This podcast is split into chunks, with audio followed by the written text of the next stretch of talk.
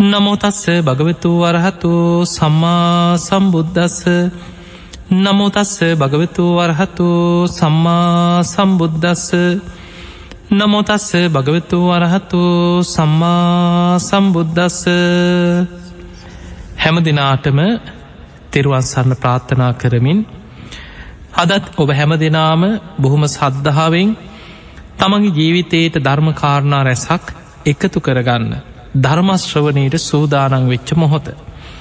ඔබ හැම දෙනාටමත් අද මේ උතුම් ධර්මශ්‍රවනයත් ධර්මාවබෝධය පිණිසම නිවන්දුරටුවක් බවට පත්වේවා කියලා අපි මුලින්ම ආශිර්වාද ප්‍රාර්ථනා කරන. පිංහතුනේ අපේ බුදුරජාණන් වහන්සේ පිරිනිවන් මංචකේ වැඩ සිටිද්දී ආනන්ද හාමුදුරුවන්ට දේශනා කරනවා ආනන්දය චෛත්‍ය හදල වන්දනා කර යුතු පුද්ගලයෝ හතර දෙනෙක් ලෝකෙ ඉන්නවා. තූපාර පුද්ගලයා. ලෝතුරා බුදුරජාණන් වහන්සේ නමක් වෙනුවෙන් චෛත්‍ය හදල වන්දනා කරන්න සුදුසුයි. මහරහතන් වහන්සේලා වෙනුවෙන් චෛත්‍ය ඉදි කළ වන්දනා කරන්න සුදුසුයි. ඊළඟට පසේ බුදුරජාණන් වහන්සේලා වෙනුවෙන් චෛත්‍යේදි කළ වන්දනා කරන්න සුදුසුයි සක්විති රජවරු වෙනුවෙන් චෛත්‍යේදි කළ වන්දනා කරන්න සුදුසුයි කියලා. දැන් අපි මේ ජීවත්වෙන මේ යුගේ ගත්තොත් මේ වෙනකොට සක්විති රජ කෙනෙක් මේ ළඟ කාලිකවත් පහළ වෙච්ච කොහෙවත් විස්තරයක් අපි දන්න විස්තර නෑ. සක්විති රජවරු බොහෝ විට පහළ වෙන්නේ දීර්ඝායුෂ ඇති කාලවල. මේ ආසන්න කාලයක පහළ වෙච්ච සක්විති රජ කෙනෙක් ගැන විස්තර නෑ. ඊළඟට පසේ බුදුරජාණන් වහන්සේලා පහළ වෙන්නේ බුද්ධ ශූන්‍ය කාලේ. ඔබ අහල ඇති අපේ බුදුරජාණන් වහන්සේ පහළවෙන්න ආසන්න කාලෙ පසේ බුදුරු පන්සිය නමක්. ඉසිගිලි පරවතය ඇස්සුරු කරගෙන වැඩසිටිය කතාවන් දහම් ගන්තවල සඳහන් වෙනවා. ඒවගේ මයි ඉසි පතන මිගදාය කියලා නම යෙදුනෙත් ඒ ඉශිවරයන් වහන්සේලා පන්සිය නම. උන්වහන්සේලා අහසින් වැඩම කළ නිතර ධර්මසාකච්ඡා කරපු භූමියක් හැටියට ඉසි පතන කියන නම සඳහන් වෙනවා. ඊළඟට බුදු කෙනෙක් ලෝකෙ පහළ වෙනවා මහා පින්වන්ත කෙනෙක් මවකුසින් ලෝකෙට බිහිවුනා කියල දැනගත්ත දවසේ මේ ඉශිවරයන් වහන්සේ අහස්සට පැනනැගලා තේජෝ කසිනයට සමවැදිලා අහසේ පිරිනිවන් පානවා උන්වහන්සේලාගේ ශ්‍රී දේහයන් අහසෙම දැවිලා පිළිස්සිලා අලුවත් දැලිවත් දූවිරිවත් ඉතිරි නොවී දහතුන් වහන්සේලා පමණක් පහලට වැටුණ කියන. ඒ නිසා ඉශිවරයන් වහන්සේලාගේ දහතුන් වහන්සේලා පතනය වෙච්ච භූමිය ඉසි පතන කියලා හඳුන්නනවා. මෙන්න මේ වගේ අර්ථයන් කීපයක් ඉසි පතන කියන වචනයත් එක්ක යෙදිලා තියෙන. පිංහතුනේ අපි මේ ඉන්න කාලේ අපිට වර්තමානය අපිට දකින්න ලැබෙනවා බොහොම පූජනය චෛත්‍යරාජාණන් වහන්සේලා මේ චෛත්‍යරාජාණන් වහන්සේලා අද ඉදිවෙන්නේ බුදුරජාණන් වහන්සේ මුල් කරගෙන. උන්වහන්සේගේ සාරීරික ධාතුන් වහන්සේලා තැම්පත් කරලා වෙන්න පුළුව එහෙම නැත්නං බුදු කෙනෙක් පරිහරණය කරපු පාරිභෝගික වස්තුවක් අපි ඒවට ධර්මය හඳුන්න්නන්නේ පාරිභෝගික දහතුන් වහන්සේලා කියල්. බුදුරජාණන් වහන්සේගේ චීවරය අපි කියන්නේ බුදු හාමුදුරන්ගේ සිවුර කියලා කියන්නේ අපි කියන්නේ චීවර දහතුන් වහන්සේ. බුදුරජාණන් වහන්සේගේ නානකඩේ අපි කියන්නේ දිය සාටක දහතුන් වහන්සේ කියලා. බුදුරජාණන් වහන්සේ ඉන පැළඳි පටිය අපි කියන්නේ පටි දහතුන් වහන්සේ හැටියට. බුදුරජාණන් වහන්සේගේ නිසීදනේ එක්ක උන්වහන්සේ වැඩ සිටි ආසනයක් වෙන්න පුළන් මිනි පළඟ බුදු කෙනෙක් පරිහරණය කරපු යමක් පාත්තරයට අපි කැන පාත්‍රා ධාතුන් වහන්සේ. එවැනි බුදු කෙනෙක් පරිහරණය කරපු පූජනීය වස්තුවක් තැම්පත් කළ චෛත්‍යයේදි කරනවා. එහෙම නැත්නම් බුදුරජාණන් වහන්සේ වෙනුවෙන් බුද්ධ ප්‍රතිමා තැම්පත් කරත් උද්දේශික චෛත්‍යයක් බවට පත්වෙනවා. ඒ වෙනුවෙන් ඉදි කරන චෛත්‍යය. එතකොට මේ විදිහට අපි සරණගිය ගෞතම බුදුරජාණන් වහන්සේ මුල් කරගෙන ශාරීරික පාරිභෝගික උද්දේශක මේ ත්‍රිවිධ චෛත්‍ය නිර්මාණය වෙනවා. ඊළඟට මේ යුගයේ තුළ අග්‍රශ්ාවක දහතුන් වහන්සේලා වෙන්න පුළුවන් අසූ මහශ්‍රාවක මහරහතන් වහන්සේලාගේ ධාතුන් වහන්සේලා වෙන්න පුළුවන් රහතන් වහන්සේලා ගත්තොත් ලක්ෂ ගනං කෝටි ගනං මේ ලෝකෙ වැඩ ඉඳලා තියෙනවා. ඒ උතුම් මහරහතන් වහන්සේලාගේ මහරහත් ධාතුන් වහන්සේලා තැම්පත් කරලා මේ බුද්ධ ශාසනය තුළ චෛත්‍යයේදි කරන්න පුළුවන්. ඊළඟට මේ තූපාර පුද්ගලයෝ ගැන කතා කරනකොට බුද්ධ පසේ බුදු මහරහත් කියන්නේ නිකෙලෙ සුත්තමයන් වහන්සේලා. හැබැයි සක්විති රජ්ජුරුව කෙලෙස් සහිත කෙනෙක්. ඔබට හිතෙන්න පුළුවන් ඇයි මේ කෙලෙස් සහිත කෙනෙක් වෙනුවෙන් චෛත්‍යයේදි කරවන්න. මේ බුද්ධ ශාසනය තුළ සෝවාන් විච්චායට සකදාගාමි අනාගාමි වෙච්ච ශ්‍රාවකයන් වෙනුවෙන් චෛත්‍යයේදි කළ වන්දනා කරන්න කියලා දේශනාවල නෑ. හැබැයි බුදුරජාණන් වහන්සේ දේශනා කරනවා මහනෙනේ සක්විති රජ්ජුරුව වෙනුවෙන් චෛත්‍යයේදි කළ වන්දනා කරන්න සුදුසුයි කියල්. එතනදී සක්විති රජ්ජුරුවොත් ලෝතුරා බුදු කෙනෙකුත් අතර යම් යම් සමාන ලක්ෂණ තියෙන. එකක් මහාපුරුෂ ලක්ෂණ පැත්තේ. ඔබ දන්නවා බුදු කෙනෙකුගේ බුදු සිරුරේ මහාපුරුෂ ලක්ෂණ තිස් දෙකක් පිහිටනවා. මේ මහාපුරුෂ ලක්ෂණ ඉබේ පිහිටපු දෙයක් නෙමෙයි. දීගනිකායි ලක්කන සූත්‍රයේ තුළ සඳහන් වෙනවා උන්වහන්සේ සංසාරය බොහෝ කාලයක් පාරමී පුරාගෙනන මේ සංසාර ජීවිතවල පුරණ ලද ගුණධර්ම ඒ පුුණ්‍ය ධර්මවල ප්‍රතිඵලයක් හැටියටයි මහාපුරුෂ ලක්ෂණ පිහිටන්. එතකොට බුදු කෙනෙකුට පිහිටන මේ මහාපුරුෂ ලක්ෂණ තිස් දෙක බුදුරජාණන් වහන්සගේ කාලේ යම් යම් පුද්ගලයන්ටත් මහාපුරුෂ ලක්ෂණ එක දෙක කීපයක් දැ මහාකාශප මහරත්තන් වහන්සට මහාපුරුෂ ලක්ෂණ හතක් පිහිටිය. ඒවගේම භාවරී කියලා ඒ කාලෙ හිටපු තාපසය ගැන සඳහන් වෙන. මහාපුරුෂ ලක්ෂණ කීපයක් තිබිච්ච. හැබැයි බුදු කෙනෙකුට තමයි මහාපුරුෂ ලක්ෂණ තිස් දෙකම පිහිටන්. මේ බුදුරජාණන් වහන්සේ නමකට පිහිටන මහාපුරුෂ ලක්ෂණ තිස් දෙක ඕන්න රෝම ධාතුන් වහන්සේගේ පමණක් පුංචි වෙනසක් ඇතුව අනෙක් මහාපුරුෂ ලක්ෂණයේ ආකාරයෙන්ම සක්විති රජවෙන මහා පින්වන්ත කෙනෙක් තුළත් පිහිටන. එහෙමනම් අපිට පේනවා මේ සක්විති රජ්ජුරුවෝ කියලා කියන්නේ මහා පින්වන්ත කෙනෙක්. අපේ බෝසතාණන් වහන්සේ මවකුසින් ඉපදුනාට පස්සේ. එදා මාලිගාවෙදි සුද්දෝදන රජ්ජුරුවෝ නම් තබන උත්සවේට මේ අංග ලක්ෂණ ශාස්ත්‍රයේ පිළිබඳව කෙල පැමිණි බ්‍රාහ්මණවරු එකසි අට දෙනෙක්. ඒ වෙනකොට දමදිව හිටපු දක්ෂතම පිරිස. මාලිගාවට ගෙන්නලා බෝසත් පුතාගේ එකින් එක එකින් එක මහාපුරුෂ ලක්ෂණ තමයි විමස විමස මේ අය බැලුවේ. බලල මේ සියලු දෙනාම කොන්නඥ කියන කෙනා ඇරෙන් අනෙක් සියලු දෙනාම ඇගිලි දෙකක් කිස්සුව කෝකටත් බේරෙට. එක ඇගිල්ලක් කියන්නේ මේ කෙනා ගිහි ජීවිතයේ රැඳුනොත් සක්විති රජ වෙනවා. ගෙහි ජීවිතය අතහැර ලගියොත් ලෝතුරා බුද්ධත්වයට පත්වෙනවා කියලා ඇගිලි දෙකක් කිස්සවා කොයි පැත්තට හරි. හැබැයි මේ ඕර්ණරෝම ධාතුන් වහන්සේගේ වෙනස හරියටම වටහාගත්ත අඳුන ගත්ත. ඒ වෙනකොට කොන්නඥ කියන කෙනා බොහොම වයෝවෘර්ධ කෙනෙක් නෙමේ අර පිරිසාතර හිටිය තරුණම කෙනා කියන. එදාර එකසි අට දෙනාගෙන් ඉදිරියේම වාඩි වුණේ දක්ෂතම අට දෙනා. ඒ අට දෙනා අතරත් හිටපු ලාබාලම කෙනා තමයි එදා කොන්නඥ කියන මේ ශිවරයන් වහන්සේ. ඒ වෙනකොට අංග ලක්ෂණ ශාස්ත්‍රී පිළිබඳව ඉහළම දැනුමක් තිබුණ. ඒ නිසා හොඳට බැලුව මේ පුංචි බෝසත් පුතාගේ ඌර්ණරෝම දහතුන් වහන්සේගේ ස්භාවය. දක්ෂිනාරුතව කරකැවිලා කෙලවර ඉහලට හිටින විදිහට නතර වෙලා තියෙන. සුදුම සුදු පාටයි. පෙංහතුනේ සක්විති රජ කෙනෙක් ගෙනම් වාමාරුතව කරකැවිලා කෙලවර පහලට හිටින විදිහටයි නතරවෙන් රත්තරම් පාටයි කියන. බුදු කෙනෙකුගේ සුදු බුදු රැසක් ඌර්ණ රෝම ධාතුන් වහන්සේගේ සුදු පාට බුද්ධ රශ්මියක් විහිදෙනු. මෙන්න මේ වෙනස සක්විති රජ කෙනෙකුත් ලෝතුරා බුද්ධත්වයට පත්වෙන කෙනෙකුත් අතර පිහිටනු. ඊළඟට ඔබට මතක ඇති බුදුරජාණන් වහන්සේ පිරිනිවන් පාන්න සූදානන් වෙන වෙලාවේ.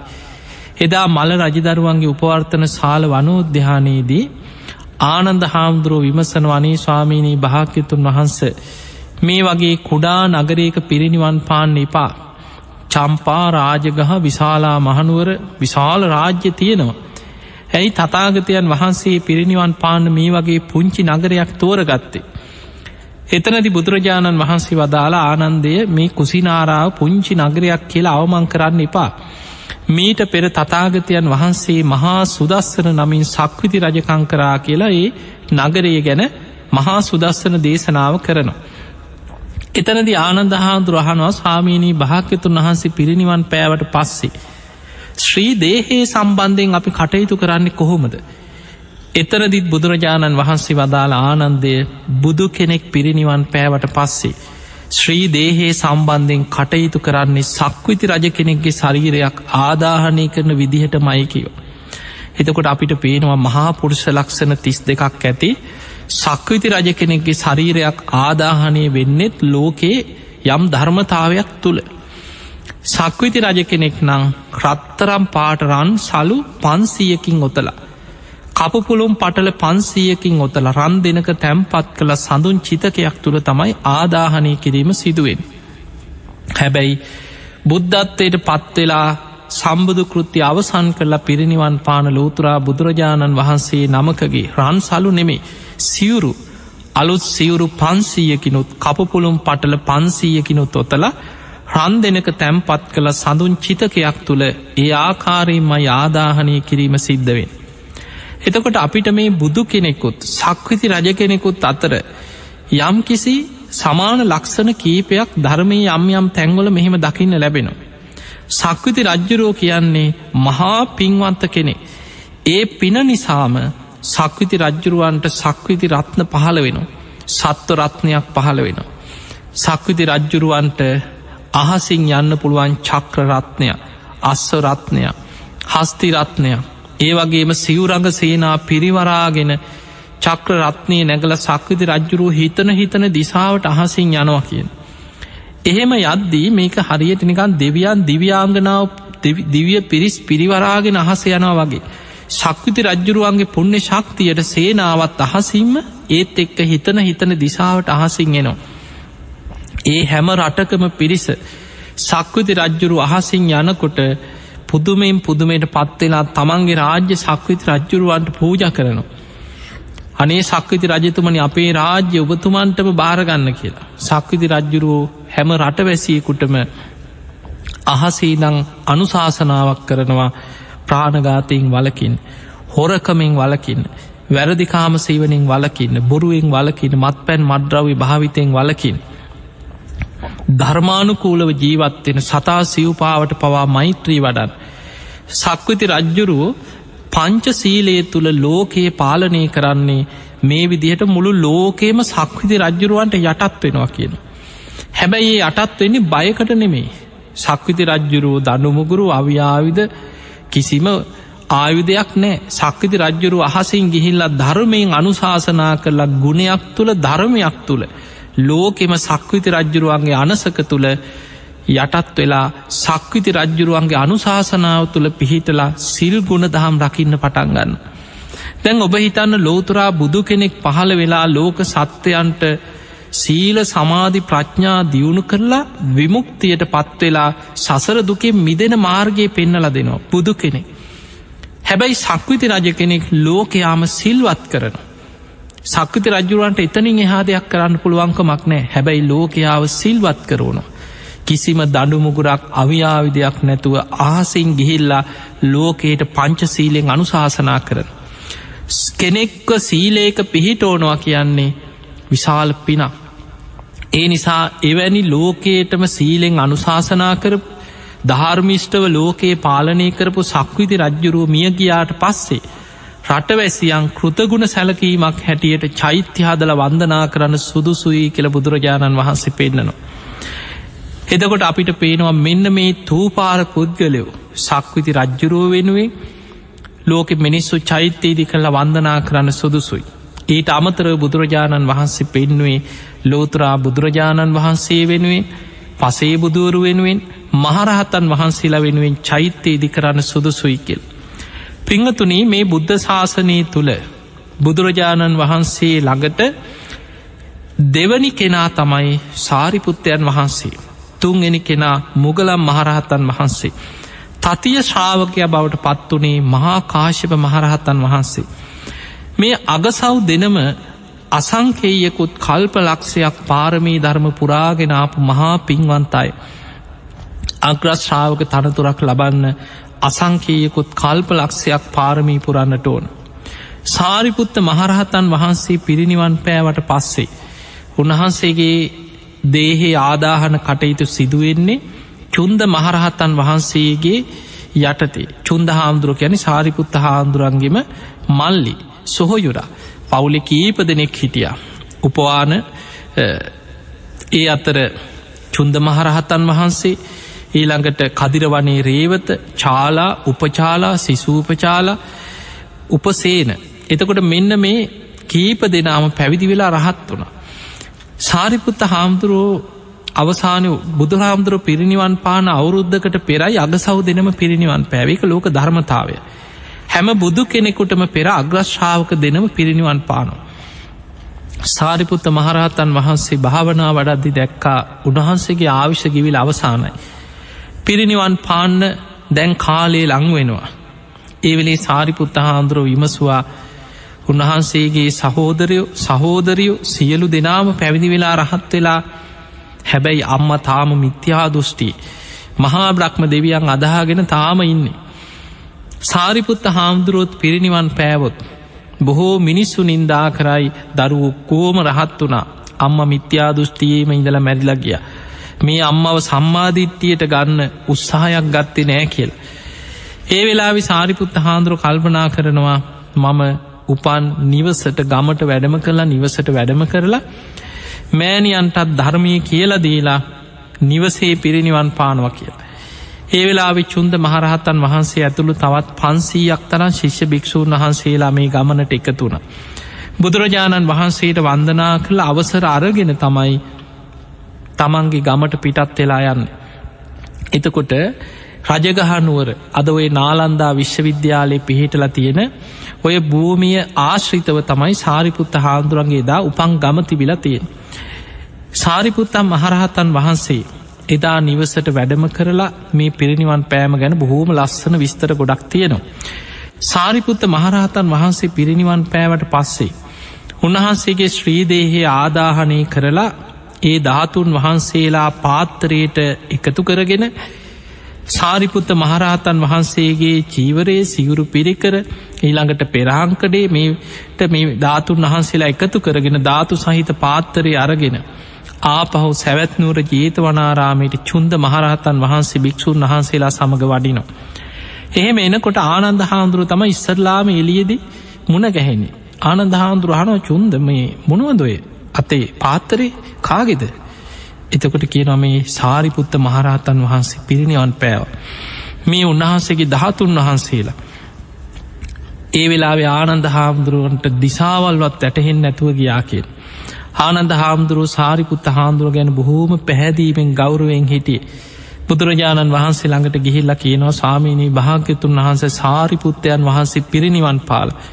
සාරිපුත්ත හාමුදුරුව පිරිනිවන් පෑවා කියලා මට සිහිවෙනකොට දැනෙනකොට සාමීනි මට දිසාවල්වත් වැටහෙන් නැතුව යනවා කිය. එතකොට බුදුරජාණන් වහන්සේ ආනන්ද හාමුදුරන්ගේ සිහිය උපද්දවන්න බුදුරජාණන් වහන්සේ හනෝ ආනන්දය ශාරිපුත්ත පිරිනිවන් පෑවේ ඔබේ සීල සමාධි ප්‍රඥාත් අරගෙනද කිය ලැහුව.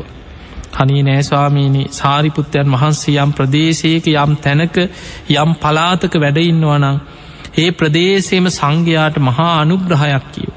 ඇයි මේ බුද්ධ ශාසනයේ වැඩහිටිය ධර්ම සේනාධිපතින් වහන්සේ ප්‍රඥාවන්තයන්ගෙන් අග්‍රම කෙන මේ බුද්ධ ශාසනය තුළ බුදුරජාණන් වහන්සේගේ ධර්ම චක්‍රය ඒ විදිහටම පවත්වන්න පුළුවන් භික්‍ෂූන් වහන්සේලා අතර සාරිපුත්තයන් වහන්සේම යග්‍ර බුදුරජාණන් වහන්සේ සාරිපුත්ත හාන්දුරන්ගේ උතුම් ධාතුන් වහන්සේලා සහිත පාට්‍රේ තමන්ගේ ශ්‍රී හස්තේ මත තියාගෙන සංඝයා රැස් කරලා සාරිපුත්ත හාන්දුරන්ගේ ගුණ වරණා කරලා බුදුරජාණන් වහන්සේ වදාළ මහනෙන සාරිපුත්තයන් වහන්සේ යම් දිසාවක වැඩඉන්නවන. ඒ දිසාව දිහා බුදුරජාණන් වහන්සේට අමුතුවෙන් ඒ සංඝයා ගැන බුදුවැසින් විමසා ඒ අයට අවවාද දිදී ඒ ඒ පැත්ත අමුතුවෙන් වෙහෙසිලා බලන්න අවශ්‍ය නෑ කියනවා. ඒ ප්‍රදේශේම සංඝයාට සාරිපුත්තයන් වහන්සේ අනුග්‍රහයක්. පිංහතුනි බුදුරජාණන් වහන්සේ පැවිදිවෙන ස්වාමීන් වහන්සේලාට ඉලක්කයක් හැටියට පෙන්නුවේ මං වගේ වෙන්න කියලා නෙමේ. බුදුරජාණන් වහන්සේ ඉලක්කයක් පෙන්නුවේ මහනෙන නුබලා මේ සාරිපුත්ත මොග්ගල්ලාන වගේ වෙන්න කියලා. පැවිදි වෙච්ච භික්‍ෂුණීන්ට ඉලක්කයක් පෙන්වා කේමා උප්පල වන්නා වගේ වෙන්න. ගිහි ශ්‍රාවක ශ්‍රාවිකාවන්ට ඉලක්කයක් පෙන්නුවේ චිත්ත ගෘහපති හත්තාලෝක පුත්ත සිටතුමා වගේ වෙන්. උපාසිකාවන්ට ඉලක්කයක් පෙන්වේ කුජ්ජුත්තරා වගේ වෙන්න. වේලු කණ්ටකී නන්ද මාතා වගේ වෙන්න කියලා බුදුරජාණන් වහන්සේ ඉලක්කයක් පෙන්නු. එතකොට බුදුරජාණන් වහන්සේ සාරිපුත්ත හාන්දුරන්ගේ ගුණ වරණා කරලා පිරිසට කියනවා මහනෙන මේ සාරිපුත්තයන් වහන්සේගේ මේ ධාතුන් වහන්සේලා තැම්පත් කළ චෛත්‍යය ඉදිකරවන්න කියෝ. දෙව්මිනිස් ලෝකයාට වන්දනා කළ පින් රැස් කරගන්න පුළුව. බුදුරජාණන් වහන්සේ වැඩ සිටිද්දිමයි බොහෝ භික්‍ෂූන් වහන්සේලාගේ ධාතුන් වහන්සේලා තැම්පත් කරලා මහරහතන් වහන්සේලා වෙනුවෙන් චෛත්‍යය දියුණේ. මොකද බොහෝ පිරිසක් දැන් සමහරු හිතනවා වූව මේ පස්සේ හදාගත්ත ඒවා වඳින් ඒ කාලෙ බුදුහාමුදුරුව අනුමත කරලා නෑ එතකොට මේ වගේ පණ්ඩිත අදහස් ධර්මය නැති අදහස් සමාජගත කරන්න ඇතැම් අය උත්සාහ කරන. පිංහතුනි ඔබ අහල ඇති බාහිය ධාරුචීරිය දරපතුර ටිකක් ඇඳගෙන තමයි බුදුරජාණන් වහන්සේ හොයාගෙන පිස්සෙක් වගේ දුවගෙන දුවගෙනාවේ බාහිය බොහෝ දුරක් ගෙවාගෙන හැබැයි බාහිය පෙර සසරේ බොහෝ කල් පින්කරගෙන පින්කරගෙන ආපු කෙනෙක් කල්ප ලක්ෂයක් පාරමීපුරලා තියෙන. අසූ මහා ශ්‍රාවකයන් වහන්සේලාට අයිති කෙටියෙන් වදාළ ධර්මය ඉක්මනින්ම අවබෝධ කරගත් භික්‍ෂූන් වහන්සේ අතරින් බාහිය ධාරුචීරිය මහරහත්තන් වහන්සේ තමයි අග්‍රස්ථානය ලැබුයි. එදා බුදුරජාණන් වහන්සේ බුදු කෙනෙක් පහළ වෙලා අන්න සැවැත්නුවර වැඩඉන්නවා කියලා දේවතාවෙන්ගෙන් තමයි දැනගත්තේ. ඒ දේවතාවත් පෙර කාශ්‍යප බුද්ධ ශාසනයේ එකට භාවනා කරලා දෙව්ලොවයි අනාගාමි වෙලා සුද්ධවාස බඹලව ඉපදිච්ච කල්්‍යයාන මිත්‍රේ. බැලුව කෝ අපේ යාළුව එකට භාවනා කරපුය. එක්කෙනෙක් රහත් වුණ. අනිත් කෙන අනාගාමි වෙලා සුද්ධවාස බඹලව ඉපදුනා. ගලක් මුදුනට නැගල දිවි දෙවනි කොට භාවනා කරලා මැරුණත් කමක් නෑ කියලා භාවනා කරපු අයගෙන් අනිත් අය ආහාර නැතුව මාර්ග පලයක් ලබාගන්න නැතු අර ගල මතම අපොත් වෙලා හැබැයි භාවනා කරපු පිනෙන් දෙව්ලොව ඉපදුන. අන්නේ අයගෙන් කෙනෙක් තමයි බාහිය. අර දේවතාව තමයි පෙනීඉඳල මඟ පෙන්වේ බාහිය ඔබ මේ මහ වනාන්තරයට වෙලා දරපතුරු ඇඳගෙන ඔබ රහත් නොවී ඔබ රහත් වනා කියලා දෘෂ්ටියකට ඇවිල්ල මිනිස්සු රවට්ටන් එපා. ඔබ රහතන් වහන්සේ නමක් නෙමෙයි. ඔබ රහත් වෙන මාර්ගයක්කත් දන්න කෙනෙක් නෙමේ එතකොට බාහියට පින තිබුණා. පෙර සසර පින තිබිච්ච නිසා නිහතමානීකම තිබිච්ච නිසා බාහි අහනවා අනි ඒ රහතන් වහන්සේලා එහෙනම් ලෝකෙ දැන් වැඩඉන්නවාද ඒ රහත් වෙන මාර්ගය දේශනා කරන උත්තමය ලෝකෙ වැඩඉන්නවා ධනේ මට පෙන්න්න කියෝ. දේවතාව කියනම් මෙන්න මේ පැත්තිෙන් යන්න. බොහෝ දුරක් යනකොට සැවැත්නුවර කියලා විශාල නගරයක් තියෙන. ඔය නගරේ ජේත වනය කියලා පුුණ්‍ය භූමියක බුදුරජාණන් වහන්සේ නමක් පහළ වෙලා ලෝකෙ වැඩඉන්න රහතන් වහන්සේලා වැඩඉන්න ඔබ හොයාගෙන යන්න කීවා. මඟ පෙන්නවා. අතුරු දහන් වුණා. ඔන්න ඔය පණවිඩේ කන වැටුනට පස්සේ තමයි බාහිය දුවගෙන දුවගෙන බොහෝ දුරක් දුවගෙන දුවගෙන සැවැත්නුවරටෙන්. එදා මහා පාරිදිම දනගහගෙන බුදුරජාණන් වහන්සේට අනේ ස්වාමීනි මට කෙටියෙන් හරි බණටිකක් කියන්නකි. මොකද බාහියට පෙර සංසාර අකුසල විපාකයක් පස්සෙන් ආව. වෛර බැඳගත්ත යක්ෂණයක් පලිගන්නාව කියලා අටුවාව සඳහන් වෙන. බුදුරජාණන් වහන්සේ දැක්කම එක බාහිය පෙර සසරි කරපු කර්ම විපාකයක්. හැබැයි ඒ අකුසල් නවත්තන්න බුදුරජාණන් වහන්සේ ගේනෑ බුදුරජාණන් වහන්සේ බැලුවේ බාහියට ඒ කර්ම විපාක විපාක දෙන්න පෙර නිවන් දකින්න පින තියෙනවාද? තියෙනවා. පෙර සසරි බොහෝ පින්කරපු කෙනෙ බුදුරජාණන් වහන්සේ හකුලවලක් කෙටියෙන් කිව්වා එහනම් බාහිය මෙන්න මේ විදිහට විමසන්. දිට්ටේ දිට්ටමත්තම් භවිස්සති. සොතේ සුතමත්තම් භවිස්සති. මුතේ මුතමත්තම් භවිස්සති. විඤ්ඥානය විඤ්ඥානමත්තම් භවිස්සති. බාහිය යමක් දැක්කොත් දැක්කා විතරයි කියලා එතනින්ම අතහරින්න. එහි නිමිති සටහන් කෙලෙස් සහිත නිමිති සටහන් මතකතියාගෙන. අකුසල් ඇතිවෙන විදිහට ඒවත් සිහි කර කර කෙලෙස් උපද්ද උපද්දව යන්න එපාකිව. යමක් ඇහුණොත් ඇසී මාත්‍රයෙන් අතහරින්න. නුවනින් විමසල අතහරින්න ඒවෑ නිමිති සටහන් මතකතියාගෙන කෙලෙස් උපද්ද උපද්දව ඉන්න එපා සසර ගමන හැදෙනවා. දැනුනොත් දැනුන විතරයි නාසයට ගඳ සූඳ දැනෙනවා දිවට රස දැනෙනවා කයට පහස දැනෙනවා. ඒක දැනී මාත්‍රයකිම අවසන් කරගන්න කියව. ඊළඟට හිතට යමක් හිතුනොත් ඒක සිතුවිල්ලකින් අවසන් කරන්න එහි නිමිති සටහන් මතකතියාගෙන. කෙලෙස් ඇතිවෙන විදිහට ඒවත් සෙහි කර කර හිටියොත් ඔබට සංසාර ගමනක් හැදෙනවා බාහි ඔබ ඔය විදිහට අරමුණු එතනම විදර්ශනා කළ අතහරිනවන. ඔබේ හිත එතන පිහිටන්නේ වෙන තැනක පිහිටන්නෙත් නෑ. ඒ අතර පිහිටන්නෙත් නෑ ඔබ පිරිනිවන් පානවා කියව. කෙටියෙන් හකුලවල දහම් දෙසුව. බුදුරජාණන් වහන්සේ ඉදිරියට වැඩිය. බාහිය මහපාර අයින්නෙම දනගහගෙන ඒ ධර්මය විමසනෝ. පෙර සංසාර අකුසලේකට කුලප්පුයි කෙල දෙනක් ඇනගෙන ගියා එහෙමම ඇදගෙන වැටුණා පාරයිනම අර දරපතුරු සිවරක්කත් ඇගේ නෑ තාම් දරපතුරටි ඇඳගෙන හිටි. හැබැයි කෙලෙසුන්ගෙන් හිත මිදෙන කොටමයි මේ එල දෙනැන්නේ. ඒම එතනම පිරිනිවන් පෑව. හැබැයි දැම් මේක අනිත් අය ඇස් දෙකෙන් දැකපු මිනිස්සු. ඉන්ද්‍රිය පරෝ පරියත්තේ ඥානයක් තියෙන රහතන් වහන්සේලාව දකින්න පුළුවන් බුදු කෙනෙක් තමයි බාහිය ධාරුචීරය රහත් වනා කෙන එක දකින්නේ. සාමාන්‍ය නගර හිටපු මිනිස්සු දකින්නේ අර හිඟන්නෙක් වගේ දරපතුරු ඇඳගත්ත මනුස්සේ කාං බුදුරජාණන් වහන්සේක්ක පාරයින කතා කර කර හිටිය. අන්න බුදුරජාණන් වහන්සේ වැඩම කළ ටික වෙලාවකින් අන්න එලදිනක් ඇල්ල ආම් පාරයිනි මැරිලා. එතකොට ඔන්න ඔයි දේ තමයි මිනිස්සු අතර කටකතාවක් කියා. අන්න අමුතුම මනුස්සේ දරපතුරු ඇඳගත්ත කෙනෙ කාං එල දෙනක් ඇල්ල මැරිල්ලු පාරයිනි දැන් ඔය කටකතාව ජේතවනයටත් ආරංචි වුණා. එදා හවස බුදුරජාණන් වහන්සේ දම්සභා මණ්ඩපේට වඩිනකොට භික්‍ෂූන් වහන්සේලා මේ ගැන කතාවවෙන්න. බුදුරජාණන් වහන්සේ භික්‍ෂූන් වහන්සේලාගෙන් අහනවා මහනෙන තතාගතයන් වහන්සේ වඩිද්දී. කවුරු ගැනද කතා කර කර හිටි. එතකොට භික්‍ෂූන් වහන්සේලා කියනව සාමීනී භාගතුන් වහන් සද උදේ පාන්දර දරපතුරු ඇඳගත්ත. කෙස්ටැවුල් වවාගත් අමුතුම විදිහ කෙනෙ. පුදුම කලබලයකින් බුදුරජාණන් වහන්සේ ඉන්නවාද අනේ බුදු හාමුදුරුව ඉන්නවා අනේ මට දකින්න ඕන කියලා කලබලෙන් උදේ දුවගෙනාව කියෝ. තතාගතයන් වහන්සේ පිණ්ඩ පාත වැඩියා කියද්දී ඔහු ආපහු හැල්ල නගරටම දීවා කියෝ. තතාගතයන් වහන්සේ සමඟ කතා කර කර ඉන්නවත් මිනිස්සු දැකලා තියෙනවා.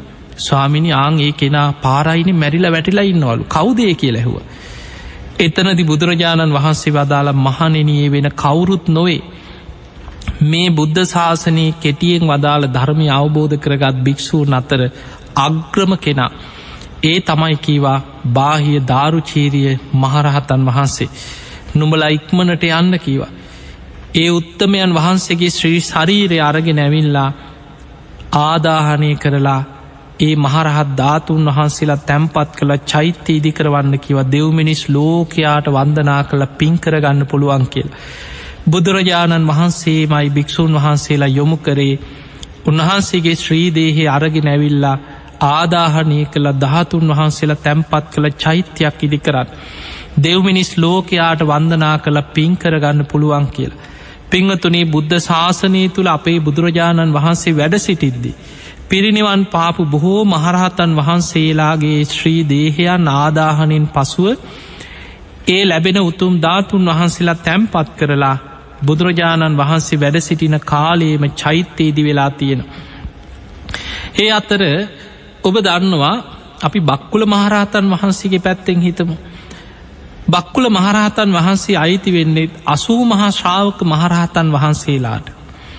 අගසව් දෙනම තමයි අසංකේයකුත් කල්ප ලක්ෂයක් අනෝම දස්සි බුදුරජාණන් වහන්සේගේ කාලී දම්ම පාරමී පුරාගෙනාව අග්‍රශ්ාවක තනතුරක් වෙනුවේ. හැබැයි පිංහතුනේ අසූ මහා ශ්‍රාවක මහරහතන් වහන්සේලා කල්ප ලක්ෂයක් තමයි පෙරුම්පුරන්. හැබැයි බක්කුල මහරහතන් වහන්සේ විශේසයි. ඒ විශේසේ තමයි උන්වහන්සේ කල්ප ලක්ෂයක් නිරෝගී සම්පත්ති ඇති භික්‍ෂූන් වහන්සේලා අතර අග්‍රස්ථානය වෙනුවෙන් පෙරුම් පුරන්න පටන් ගත්තත් උන්වහන්සේ අනෝම දස්සේ බුදුරජාණන් වහන්සේගේ කාලේ ප්‍රාර්ථනයක් කරනවා අනෝමදස්සි බුදුරජාණන් වහන්සේට ප්‍රතිකාර කරලා උදරාබාධයක් හැදිච්ච වෙලාවේ අනෝමදස්සි බුදුරජාණන් වහන්සේට බෙහෙත් කර. එදා බෙහෙත් කරලා ප්‍රාර්ථනයක් කරා ලෝතුරා බුදු කෙනෙකුට අදමම් බොහෝම කරුණා මෛත්‍රියෙන් ප්‍රතිකාර කරලා බුදු කෙනෙකුගේ උදරාබාධයක් සුවපත් කර. මේ පිනෙම් මට සසර වසනාතුරු කුඩාවූද මහත් වූද රෝගයක් කියන වචනයක්කත් මට අහන්න නොලැබේවා. එල දෙනෙකුගේ කිරිබින්දුවක් දෝන තරං වෙලාවක්වත් මට කයට අසනීපයක් ඇති නොවේවා. නිරෝගි සම්පත්තියම ලැබේවා කියන ප්‍රාර්ථනය සිදු කර. එතකොට තමන්ට නිරෝගි සම්පත්තිය ලැබේවා සසර වසනාතුරු මේ සංසාර ඉපදීපද යන හැම ආත්මයකදිම තමන්ට නිරෝගි සම්පත්තියම ලැබේවා කියලා ප්‍රාර්ථනා කරන්නේ අනෝමදස්සි බුදුරජාණන් වහන්සගේ කාලීන. ඒ කියන්නේ ඒකා සංකේය කල්පලක්ෂයකට පෙරයි.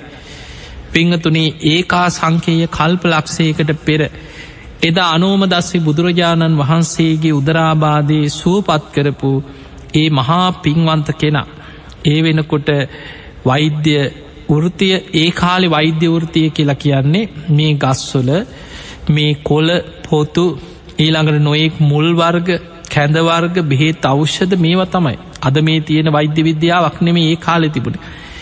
එදකොට ඒ කාලේ ඉසිවරයන් වහන්සේලා තාපසයන් වහන්සේලා ඒ බෙහෙත් කරපු අවෂ්‍යදීය කොළවර්ග ගෙඩිවර්ග මේවා හොයාගෙන ඇවිල්ලා.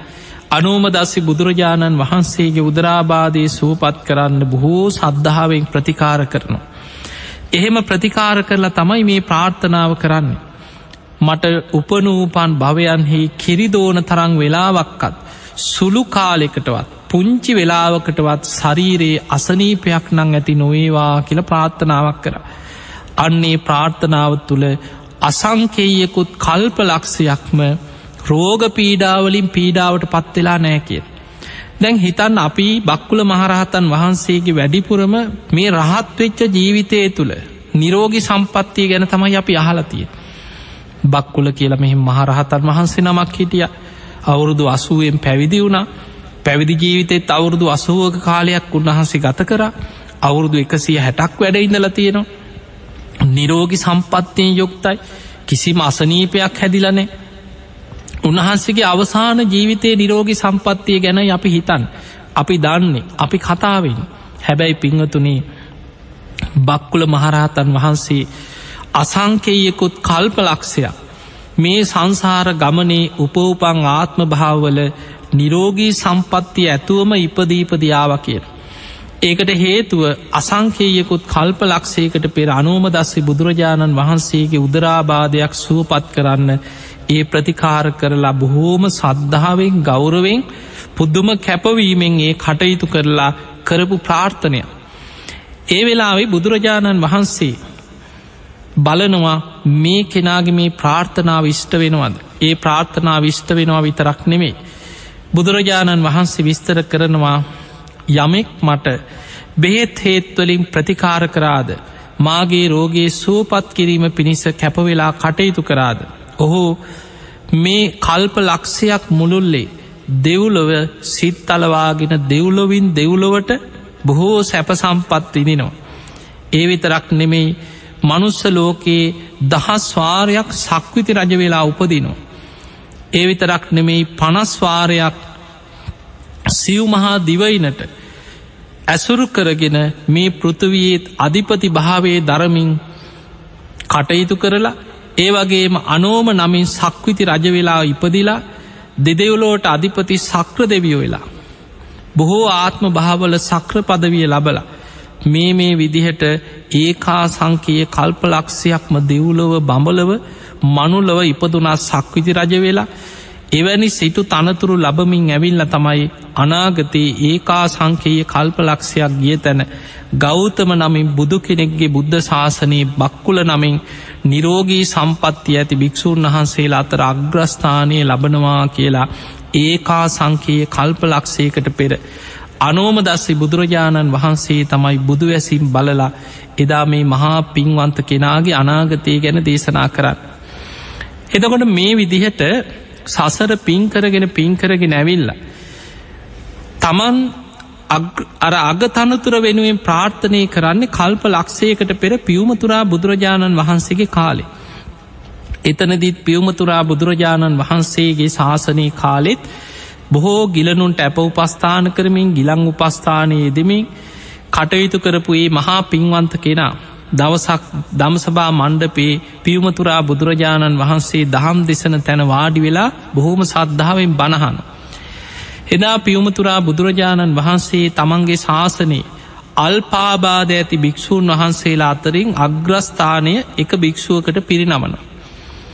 මේක දැකලා හිතට සතුටක් ඇතිවෙලා තමන්ට හිතුන අනේ මටත් අනාගත බුද්ධ ශාසනයක මේ වගේ කිසිම රෝග පීඩාවක් නැති. මේ අල්පාබාධ ඇති භික්‍ෂූන් වහන්සේලා අතර අග්‍රස්ථානය මටත් ලබන්න තියෙනවන. ඒවෙලේ බුදුරජාණන් වහන්සේට වන්දනා කලාරාධනයක් කරා ස්වාමීනී මගේ හිතේ පැතුමක් තියෙනවා. බුද්ධ ප්‍රමුඛ සංඝයා මගේ නිවසට දින හතක් දානයට වඩින සේක්වා කියලා දින හතක් පුරාම නිවසේ දන්දීල ප්‍රාර්ථනය කරා මටත් අනාගත බුද්ධ ශාසනයක අල්පාබාධ ඇති භික්‍ෂූන් වහන්සේලා අතර අග්‍රස්ථානීම ලැබේවා කිය. එතකොට කල්ප ලක්ෂයකට පෙරයි නිරෝගී සම්පත් ඇති භික්‍ෂූන් වහන්සේලා අතර අග්‍රස්ථානය ප්‍රාර්ථනා කරමින් කල්ප ලක්ෂයක්ම ඒ පාරමී පුරාගෙනාව.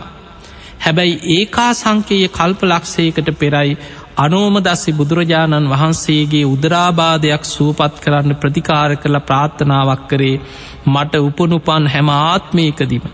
කිරිදෝන තරං වෙලාවක්කත් සුළු අසනීපයක් නං කිසිම කායික මානසික රෝගයක් නම් මට නොවැලදේවා කියන ප්‍රාර්ථනාව කරේ. එතකොට සසර ඉපදිච්ච හැම ආත්මයකම දීර්ගාවි සම්පත්තිය ලැබිලතියෙන. දැම් බලමු බක්කුල මහරහතන් වහන්සේගේ ඒ ජීවිතේ බක්කුල මහරහතන් වහන්සේ අපේ ගෞතම බුදුරජාණන් වහන්සේ වැඩ සිටිය කාලේ. අවුරුදු අසුවේදි තමයි පැවිදිවේ. දැම් බලන්න අපේ බුදුරජාණන් වහන්සේ අවුරුදු අසුව එනකොට සම්බුදු කෘත්ති අවසන් කරලා පිරිනිවන් පාල. උන්වහන්සේ වැඩහිටියම අවුරුදු අසුවයි. අවුරුදු අසුව වෙද්දි අපේ බුදුරජාණන් වහන්සේගේ ශරීරය බොහොම වයෝවෘද භාවයට පත්වෙලා. ආනන්ද හාමුදුරන්ට දේශනා කරන ආනන්ද දැන් තතාගතයන් වහන්සේගේ ශරීරය හරියට ජග්ගර සකටන් කියන. දිරාපු කරත්තයක් වගේ. දිරාපු කරත්තයක් බොහොම අමාරුවෙන් පිළිසකර කරලා පාරි අරගෙන යන්නේ යම්සේද. ඒ විදිහටයි කෙනො දැන් තතාගතයන් වහන්සේගේ මේ ශරීරය පරිහරණය කරත් එහනම් අපිට පේනවා ඔබත් මමත් සරණගිය අපේ ගෞතම බුදුරජාණන් වහන්සේ අවුරුදු අසුව වේගෙන එනකොට උන්වහන්සේගේ ශරීරයේ වයෝර්ධ ස්භාවයක් ඇති වුණ. ඒ වගේමයි අපේ බුදුරජාණන් වහන්සේ ලෙඩ වුණා. උන්වහන්සේ බේලුව ගමේ පස් සමාදන් වෙලා වැඩඉන්නකොට මාරාන්තික බඩේ අමාරුවක් වැලදෙන. ඊළඟට මහා පරිනිබ්භාන සූත්‍රයේ සඳහන් වෙනවා බුදුරජාණන් වහන්සේ පිරිනිවන් පාන වඩින ගමනේ. උන්වහන්සේට ලෝහිත පක්කන්දිකා රෝගය කියලා ධර්මය හඳුන්වන්නේ ලේත් සමඟ බඩේලියන්න පටන්ගත්තා කියනවා. ආනන්ද කලන්තෙයි පිපාසයි. ඉක්මනට සංගල සිවරේලල ආසනයක් පනවන්. මහා පරණිබ්භාන සූට්ට මේ වගේ සඳහන් වෙනවා බොහෝ තැන්වල. එහෙම නං අපිට පේනවා අපේ ශාස්තෘන් වහන්සේත් වයිසට ගිය. ලෙඩ වුණ. බුදුරජාණන් වහන්සේ විශාලා මහනුවර කූටාගාර ශාලාවට සංඝයා රැස් කරලා තමන් වහන්සේ හරියටම තව මාස තුනකින් පිරිනිවන් පානවා කියලා සංඝයාට දැනුම් දෙන්නේ පරිපක්කෝ වයෝ මයිහං කිය. මහනෙනි දැන් තතාගතයන් වහන්සේ බොහෝම වයසක කෙනෙ පරිත්තම් මම ජීවිතක් ජීවත්වෙන්න තියෙනෙ තව ඉතාම ස්වල්ප කාලයයි. පහයිවෝ ගමිස්සාමි නුබල සියලු දෙන අතහැල්ල තතාගතයන් වහන්සේ පිරිනිවන් පාන. කතම් මේ සරණ මත්තනු මං මගේ පිහිට හදාගත්තා. එතකොට බලන්න මේ ගාථාවල අපිට පේනවා බුදුරජාණන් වහන්සේ බුදුමුවින්ම දේශනා කරනවා මහනෙනි තතාගතයන් වහන්සේ දැම් බොහොම වයසට ගිය කෙනෙක්. ජීවත්වෙන්න තියෙන තව ඉතාම ස්වල්ප කාලය. උන්වහන්සේ අවුරුදු විසි නමයක් ගිහි ජීවිතය ගත කරලා මහා අභිනිස්ක්‍රමණය කරලා අවුරුදු හයකට ආසන්න කාලයක් දුස්කරක්‍රියාවන් කරලා අවුරුදු තිස් පහේදි තමයි එදා ඇසතු බෝධීන් වහන්සේ සෙවනේ නැගෙනහිර දිසාවට මුහුණලා ලෝතුරා සම්මා සම්බුද්ධත්වයට පත්වෙන්. අවුරුදු හතලිස් පහක් පුරාවටම අවබෝධ කරගත් ධර්මය ගම්නියම් ගම්පුරා වැඩම කරමින් දේශනා කර. අවුරුදු අසුව වෙනකොට උන්වහන්සේ වෙසක් පුන් පොහෝ දවසෙම ඉපදිලා වෙසක් පුන් පොහෝ දවසකදිම ලෝතුරා සම්බුද්ධත්වයට පත්වෙලා. වෙසක් පුන් පොහෝ දවසෙමයි අනුපාදිශේෂ පරණිර්වාණ දහතුවෙන් පිරිනිවන් පාන. එදකොට බලන්න අපේ බුදුරජාණන් වහන්සේ සම්බුදු කෘත්ති අවසන් කර ලවුරුදු අසුවේදි පිරිනිවන් පෑව. හැබැයි බුදුරජාණන් වහන්සේ වැඩඉන්න කාලෙම බක්කුල මහරහත්තන් වහන්සේ ගිහි ජීවිතේම ගත කරලා තිබුණ අවුරුදු අසුවා. පැවිදි වෙන්නේ අවුරුදු අසුවෙන්. පැවිදි ජීවිතයත් අවුරුදු අසුවක්ම ගත කරා කියෙන්. එතකොට බක්කුල මහරහතන් වහන්සේ පැවිදි වෙලා උන්වහන්සේ දින හතයි කියනවා කෙලෙස් සහිතව ආහාරයක් කරන්තියෙන්. පැවිදි වෙලා හත්වනි දවසේ නිකෙලෙස් භාවයට පත්වෙන. බක්කුල මහරහතන් වහන්සේගේ බොහොම ලස්සන දේශනාවක් සඳහන් වෙනවා අචේල කස්සප කියලා තමන්ගේ පැරණි යාළුවෙක් මිත්‍රයේ රජගහනුවර වේලු වඩාරාමෙදි මුණගැහෙනු. ඔහුත් එක්ක ඇතිවෙච්ච සංවාදයක් දේශනාවක සඳහන් වෙන. එතනති බක්කුල මහරහතන් වහන්සේමි අචේල කස්සප කියන පැරණි මිත්‍රයට පැරණි යාළුවට තමන්ගේ සංසාර ගමනේ තමන්ගේ ජීවිතය තුළ පැවිදි ජීවිතය තුළ එතවට බක්කුල හාමුදුරන්ට ඔහු මුණගැහෙන්නේ බක්කුල මහරහතන් වහන්සේ අවුරුදු අසුවකට ආසන්න කාලයක් පැවිදි ජීවිතය තුළ ගත කරලා ඉන්න ඇද්දේ. මේක සඳහන් වෙනවා බක්කුල මහරහතන් වහන්සේ තුළ තිබිච්ච ආශ්චරය අත්භූත කාරණා කීපයක්. අපි එයින් කීපයක් කෙටියෙන් තේරුම් ගන්න උත්සාහයක් ගමු බක්කුල මහරහතන් වහන්සේ රචේල කස්සපට දේශනා කරනවා බක්කුල හාමුදුරන්ට කවදාවත් පැවිදි ජීවිතය තුළ කාම සංඥාවක් කාම හැඟීමක් ඇතිවෙලා නෑ කියන. කිසිම දවසක ව්‍යාපාද සංඥාවක් තරහ හැඟීමක් හිතට ඇතිවුන් නෑ කිය. කිසි දවසක විහිංසා සංඥාවක් විහිංසා කෙනෙකුට හිංසාවක් කරන්න හිංසා සිතුවිල්ලක්කත් කවදාවත් තමන්ගේ හිතට ඇති වෙලා නෑකි බලන්න මහා පින්වන්ත මොනතරම් පින්වන්ත උත්තමයන් වහන්සේ ලද කියලා. ඒ විතරක් නෙමේ කාම විතර්කයක් හිතට පහළ උන්නෑ කියන.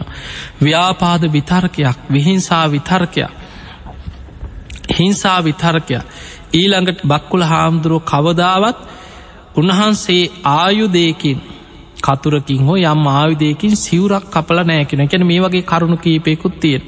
කවදාවක් ගෘහපති චීවරයක් දරාගෙනීදල නෑ කියනවා. ඊළඟට ඉදිකටුවකින් සිවරක් මහල නෑ කියන. පණ්ඩු පෝලනෑ කියෙන කටින සිවුරු මහලනෑ කියෙන. ඒකට හේතුව උන්වහන්සේට ඔබ දන්නවා බක්කුල හාමුදුරුවන්ට කොසබෑනුවරත් ඒ වගේ බරනැස්නුවරත් බක්කුල කියන්නේ කුල දෙකකින් පෝෂණය වුණ. බක්කුල හාමුදුරුව ගැන අපි ජීවිත කතාව ධර්ම දේශනාවලදි කියලා තියෙනවා. එතකොට ඒ කුල දෙකකින්ම පෝෂණය වෙච්ච නිසා බක්කුල හාමුදුරුවන්ට සති දෙකෙන් දෙකට ඉතාම වටිනා සිවුරු උන්වහන්සේට ලැබෙන සැලැස්සුව. ඒ ඒ පවුල්ලොලින් සිවුරු සැරෙන් සැරේ උන්වහන්සේට පූජා කරන අර පැරණි සිවුරු අරගෙන ගිහිලා ඒ අය අනිත් අයට දන් දෙනවා පූජ කරන. ඒ නිසා බක්කුල හාමුදුරුවන්ට සිවුරක් කිරීලා මහගන්න සිවුරක් පඩුකවාගන්න ඕන එවැනි වුවමනාවක් කවමදාවත් පැවිදි ජීවිතය තුළ ඇති වෙලා නෑ කිය. ඒවගේ මයි කවදාවත් තමන්ගේ අනිත් හිතවත් භික්‍ෂූන් වහන්සේලා තමන්ගේ සිවුරු මහගන්න කටයුතුවලට යොදාගෙන නෑ කියන. කිසිම ආරාධනාවක් පිළි අරගෙනත් නෑකින්.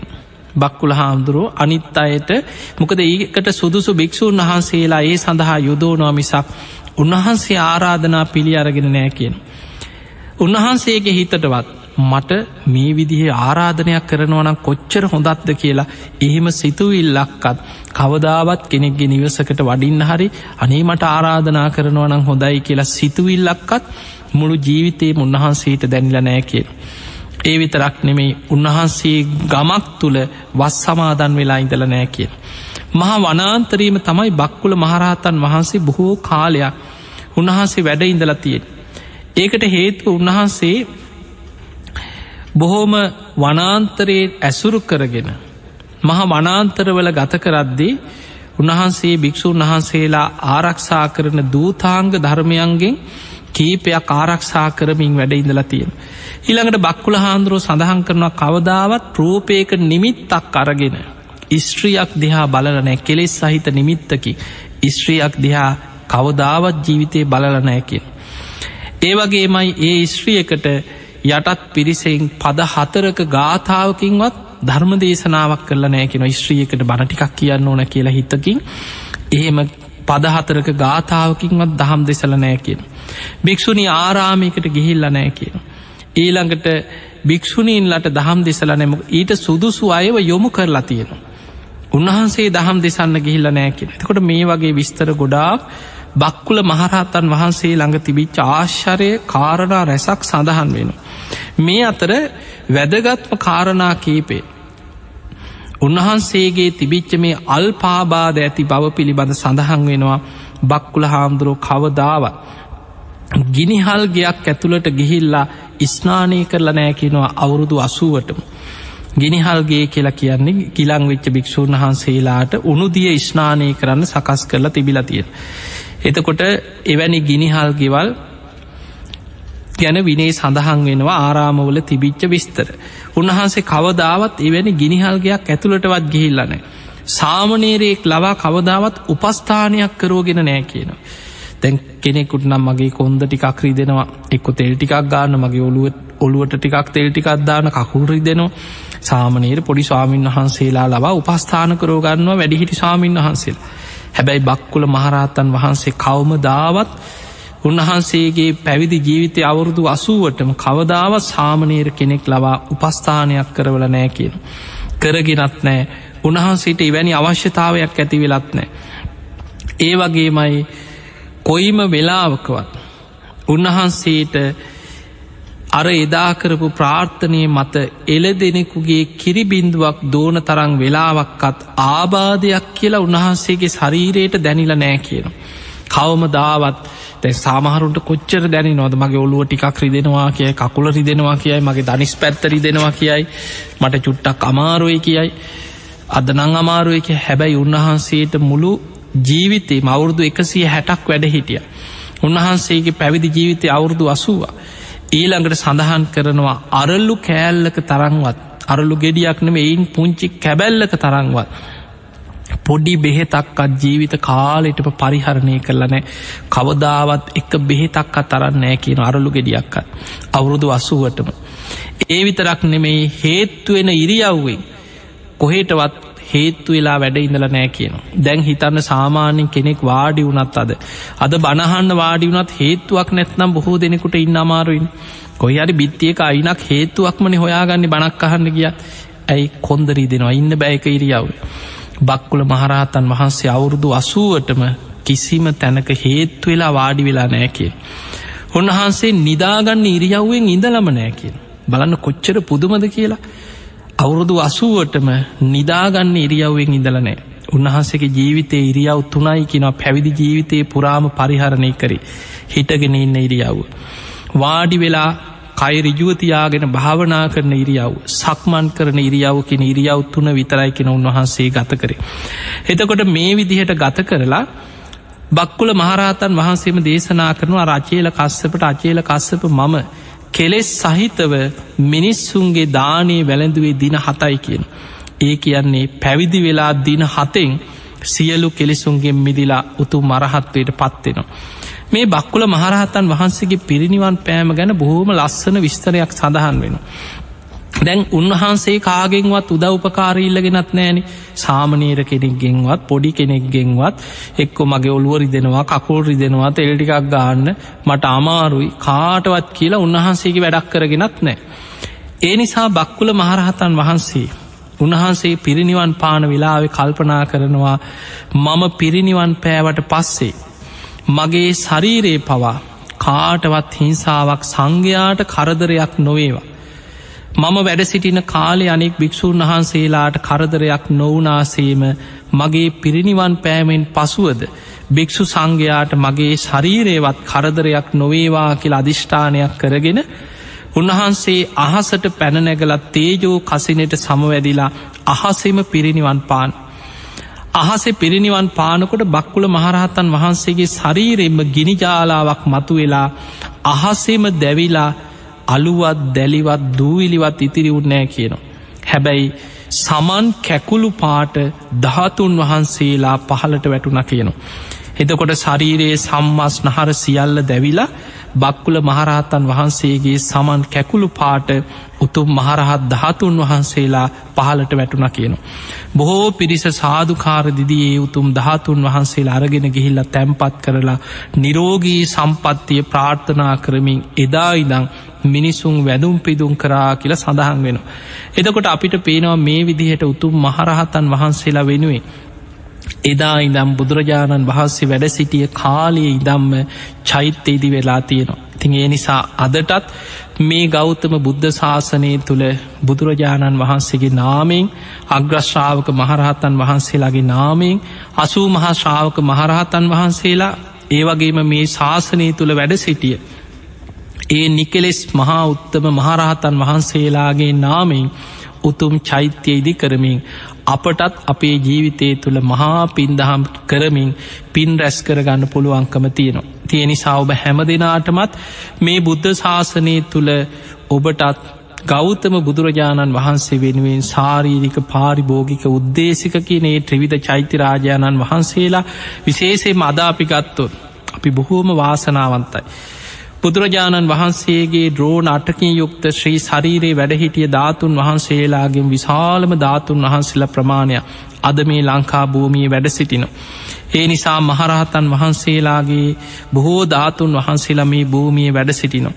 තින් ඒ නිසා ඔබ හැම දෙනාටමත් ඒ උතුම් චෛත්‍යරාජාණන් වහන්සේලා සද්ධාවෙන් ගෞරවෙන් ඒ ධාතුන් වහන්සේලා ගැන අවබෝධයෙන් වන්දනා කරලා අප්‍රමාණ පින්දහම් රැස් කරගෙන උතුම් නිවන කරාම ජීවිතයේ පිනම බලවත් කරගන්න වාසනාව ලැබේවා ලැබේවා ලැබේවා කියලපි ඔබට ආශිර්වාද කරනවා.